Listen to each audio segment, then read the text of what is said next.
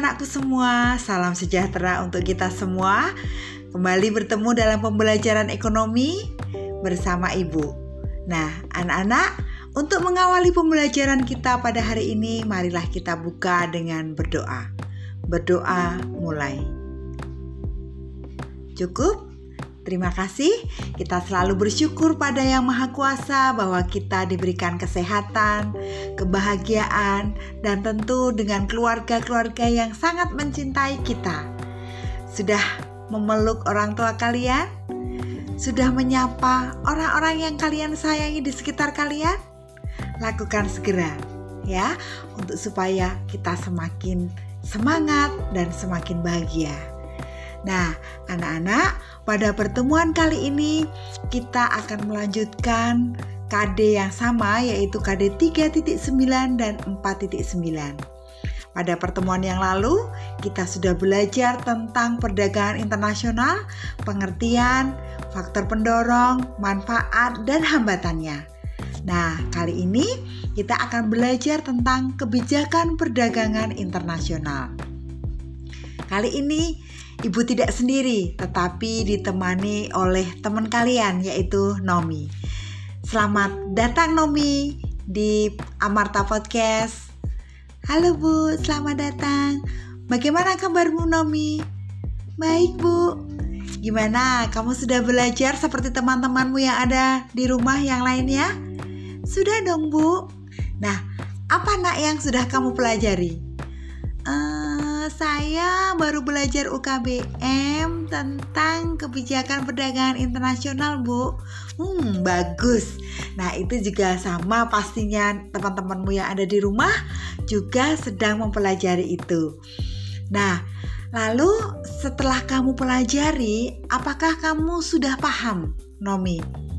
Hmm, ada yang paham, ada yang belum juga, Bu.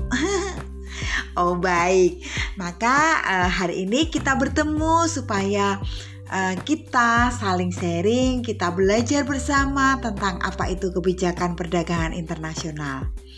Nah, Nomi, uh, kamu boleh ceritakan uh, yang sudah kamu baca pada ibu dan teman-temanmu di rumah.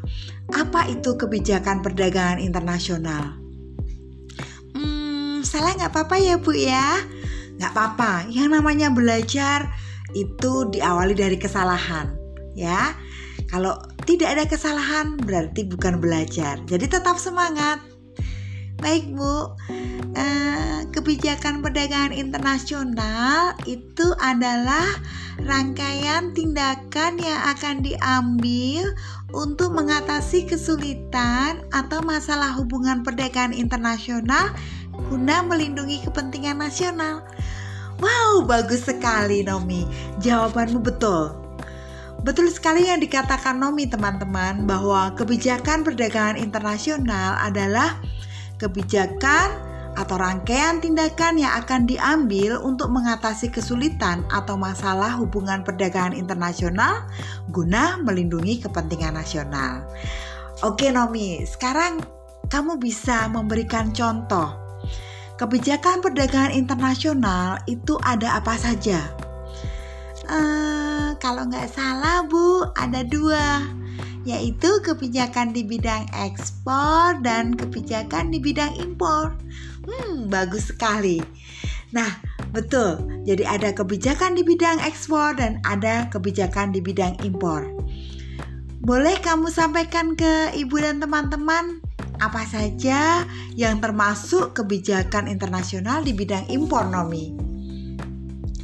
Eh, kebijakan di bidang impor ada kuota, ada tarif, kemudian ada subsidi, ada larangan impor, dan ada dumping, Bu, kayaknya. Oh, bagus sekali. Ya, Tadi yang sudah kamu sebutkan betul Nomi. Nah, sekarang coba kamu sebutkan satu persatu. Apa itu yang dimaksud dengan kuota? Kuota itu uh, pembatasan jumlah barang yang diimpor oleh suatu negara ke negara lain dalam jangka waktu tertentu, Bu. Bagus Nomi. Nah, tadi yang disampaikan Nomi betul teman-teman. Nah, kuota itu adalah kata kuncinya. Kuota itu adalah pembatasan jumlah, ya, pembatasan jumlah. Nah, jumlah apa? Karena di sini kebijakan di bidang impor, maka kuota atau pembatasan impor berarti jumlah barang yang diimpor yang dibatasi. Nah, kalian tahu? Nomi juga tahu ada berapa jenis kuota? Hmm, kalau itu saya belum menemukan, Bu. Di buku di UKBM belum ada. Oh, baik. Nah, jadi kuota itu jenisnya ada absolut kuota dan ada tarif rate kuota. Absolut kuota itu apa? Absolut kuota adalah mengizinkan impor barang dengan jumlah yang ditetapkan. Itu namanya absolut kuota. Kemudian, kalau tarif rate kuota itu mengizinkan impor barang dengan jumlah tertentu dengan tarif yang diturunkan. Oh, berarti kuota itu nggak hanya satu ya, Bu? Berarti ada dua ya, Bu? Iya Nomi, jadi ada absolut kuota dan ada tarif rate kuota. Oke Bu. Nah sekarang kalau tarif apa yang kamu ketahui tentang tarif atau bea masuk Nomi? Hmm, tarif itu adalah bea masuk yang dikenakan setiap barang yang diimpor dari luar negeri, Bu. Hmm, betul sekali, Nomi. Nah, kemudian apakah tarif itu ada kebijakannya, Nomi? Hmm, Nomi belum tahu, Bu. Baik, jadi dalam tarif itu ada kebijakan tarif, yaitu ada tarif rendah, tarif sedang, dan tarif tinggi. Ya, itu untuk kebijakan tarif. Jadi tarif rendah itu ditujukan untuk bahan kebutuhan pokok. Sedangkan tarif sedang itu adalah untuk barang setengah jadi. Nah, tarif tinggi itu untuk barang-barang mewah. Nah, kemudian untuk kebijakan non tarif ya. Jadi ada kebijakan tarif barrier namanya tadi yang sudah disebutkan oleh Ibu dan ada kebijakan non tarif barrier. Jadi untuk kebijakan non tarif barrier itu adalah pembatasan spesifik. Kamu tahu pembatasan spesifik itu apa, Nomi? Uh, embargo bukan, Bu. Bagus. Betul. Jadi pembatasan spesifik itu disebut dengan embargo. Ya, itu termasuk kebijakan non tarif barrier. Selain embargo, itu juga ada bea cukai dan ada campur tangan pemerintah. Ya. Kemudian apa sebenarnya tujuan diperlakukan atau dikenakannya tarif Nomi? Uh, untuk melindungi produksi dalam negeri dari serbuan impor, Bu. Betul sekali. Jadi, tujuan dari tarif adalah untuk melindungi produksi dalam negeri dari serbuan impor. Nah, kemudian kalau subsidi apa yang kamu ketahui Nomi? Hmm, saya ini tahu banyak Bu kalau subsidi. Jadi, subsidi adalah kebijakan pemerintah untuk melindungi pengusaha dalam negeri dan memberikan bantuan dalam bentuk modal. Bagus, Nomi. Nah, itu uh, adalah kebijakan tentang subsidi. Jadi, untuk melindungi pengusaha dalam negeri dan memberikan bantuan dalam bentuk modal. Nah, subsidi ini memiliki kelebihan. Kamu tahu apa kelebihannya, Nomi? Uh, subsidi diberikan secara terbuka, Bu.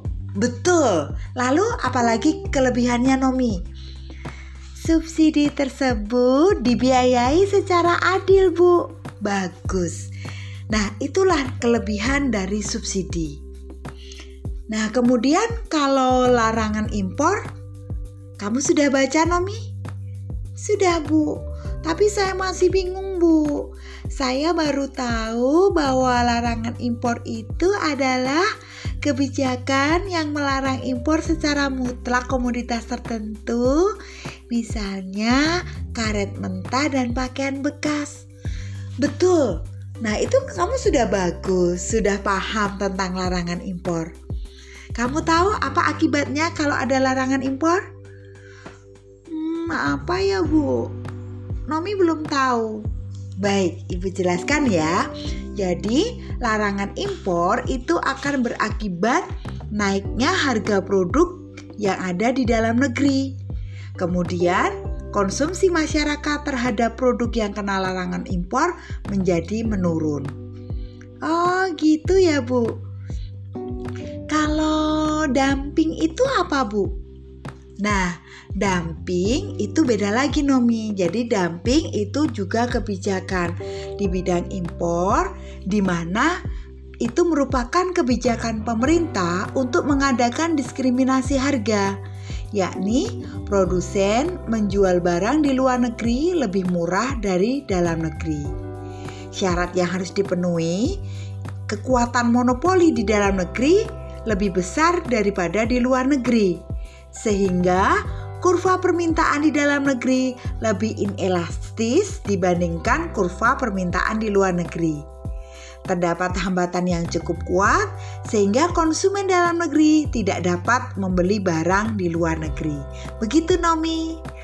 Oh, I see Bu. Saya sekarang sudah paham tentang kebijakan di bidang impor. Kemudian kalau yang di bidang ekspor apa Bu? Nah, kamu belum baca kebijakan di bidang ekspor? Sudah Bu, tapi saya uh, masih ragu-ragu. Jadi Nomi pinginnya dijelaskan oleh Bu Dwi. Baiklah, untuk kebijakan di bidang ekspor itu ada macam-macam. Jadi kebijakan perdagangan internasional di bidang ekspor ini adalah tujuan secara umumnya itu untuk supaya eh, barang-barang yang kita ekspor memiliki daya saing. Nah, macamnya ada banyak. Ada diskriminasi harga, kemudian ada premi atau subsidi ekspor, kemudian ada dumping, kemudian ada larangan ekspor. Nah, ada juga politik dagang bebas dan politik autarki. Nah, dari yang sudah Ibu sebutkan tadi, Nomi sudah tahu yang mana? Coba ya Bu ya. Uh, tentang diskriminasi harga Bu. Oke, baik. Coba kamu sampaikan ke ibu dan teman-teman Nomi. Uh, diskriminasi harga adalah penetapan harga jual yang berbeda terhadap barang yang sama. Tujuannya untuk mengadakan pengawasan terhadap harga jual dan harga beli. Betul. Silahkan lanjutkan untuk yang premi atau subsidi ekspor Nomi. Uh, premi atau subsidi ekspor adalah penambahan dana dalam bentuk uang kepada produsen yang berprestasi, Bu. Ini bermanfaat supaya harga jualnya lebih murah, harga produksinya meningkat, dan menjaga kelangsungan hidup perusahaan. Uh, bagus. Nomi memang pintar ya. Teman-temanmu di rumah juga pasti sepintar kamu, Nomi. Kamu rajin belajar ya, Nomi? Iya dong, Bu. Saya ingin membanggakan kedua orang tua saya dan saya juga ingin membanggakan Saba, Bu. Makanya saya rajin belajar. Bagus. Ya, kita lanjutkan ya, Nomi. Kemudian Kebijakan lain apa Nomi? Uh, ada dumping dan ada larangan ekspor. Uh, kalau yang dumping itu uh, tadi seperti yang ibu jelaskan tadi bu, menjual barang di luar negeri dengan harga lebih murah. Nah, ini tujuannya adalah untuk menguasai pasar luar negeri dan untuk menghabiskan barang-barang produk lama. Betul tidak, Bu? Uh, betul sekali Nomi. Pintar kamu. Kemudian kalau larangan ekspor apa Nomi? Nah, ini Bu, saya bingung. Kan ekspor itu kan menambah devisa. Tapi kenapa ekspor dilarang ya, Bu? Nah, gini Nomi. Jadi, larangan ekspor itu uh, tujuannya itu adalah agar industri dalam negeri berkembang dan membuka kesempatan kerja baru serta memberantas penyelundupan. Jadi, tidak semua barang itu dilarang untuk diekspor nomi. Jadi, ini hanya untuk barang-barang tertentu. Maka e, dari pengertiannya, larangan ekspor itu adalah kebijakan suatu negara untuk melarang total semua ekspor hanya untuk barang-barang tertentu. Jadi, ini biasanya adalah barang-barang yang ketersediaannya di dalam negeri sangat terbatas. Oh, Nomi paham sekarang. Jadi larangan ekspor itu bukan untuk semua barang ya, Bu. Jadi hanya barang-barang tertentu ya, Bu. Betul sekali, Nomi. Jadi barang-barang tertentu yang ketersediaannya terbatas di dalam negeri sehingga kalau diekspor takutnya itu nanti akan menyebabkan barang-barang di dalam negeri menjadi langka sehingga e, masyarakat di dalam negeri sulit untuk memenuhi kebutuhan. Uh, saya paham bu. Uh, kemudian itu bu uh, untuk politik dagang bebas coba ya Bu ya. Nomi ingin uh, menyampaikan uh, sepenangkapan Nomi ya Bu tentang politik dagang bebas. Oke silahkan uh, Politik dagang bebas merupakan kebijakan pemerintah untuk mengadakan perdagangan bebas antar negara Perdagangan bebas akan memungkinkan suatu negara memiliki keunggulan komparatif. Itu loh Bu, keunggulan komparatif yang seperti Ibu jelaskan pada pertemuan yang lalu. Betul tidak Bu? Betul sekali Nomi. Jadi politik dagang bebas memang seperti itu. Jadi, kepolitik dagang bebas merupakan kebijakan pemerintah untuk mengadakan perdagangan bebas antar negara. Nah, ini tentu saja memungkinkan suatu negara memiliki keunggulan komparatif ya. Lalu kalau politik autarki apa, Bu?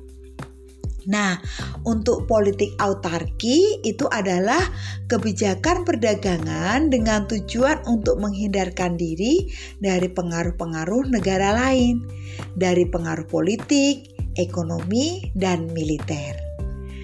Wah, saya sekarang jadi paham, Bu.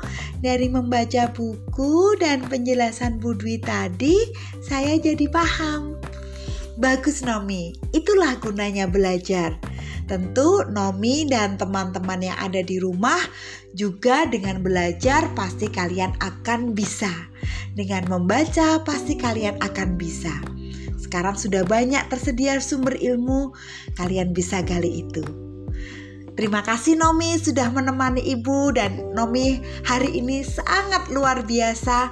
Nomi begitu antusias dalam mengikuti pembelajaran sama dengan teman-temanmu yang ada di rumah. Sama-sama Bu, saya juga senang uh, bisa belajar hari ini bersama Ibu. Terima kasih ya Bu. Sama-sama Nomi, tetap jadi anak yang baik dan anak yang selalu semangat ya Nomi. Siap Bu. Baiklah anak-anak, tadi uh, pembelajaran ekonomi Ibu ditemani oleh Nomi.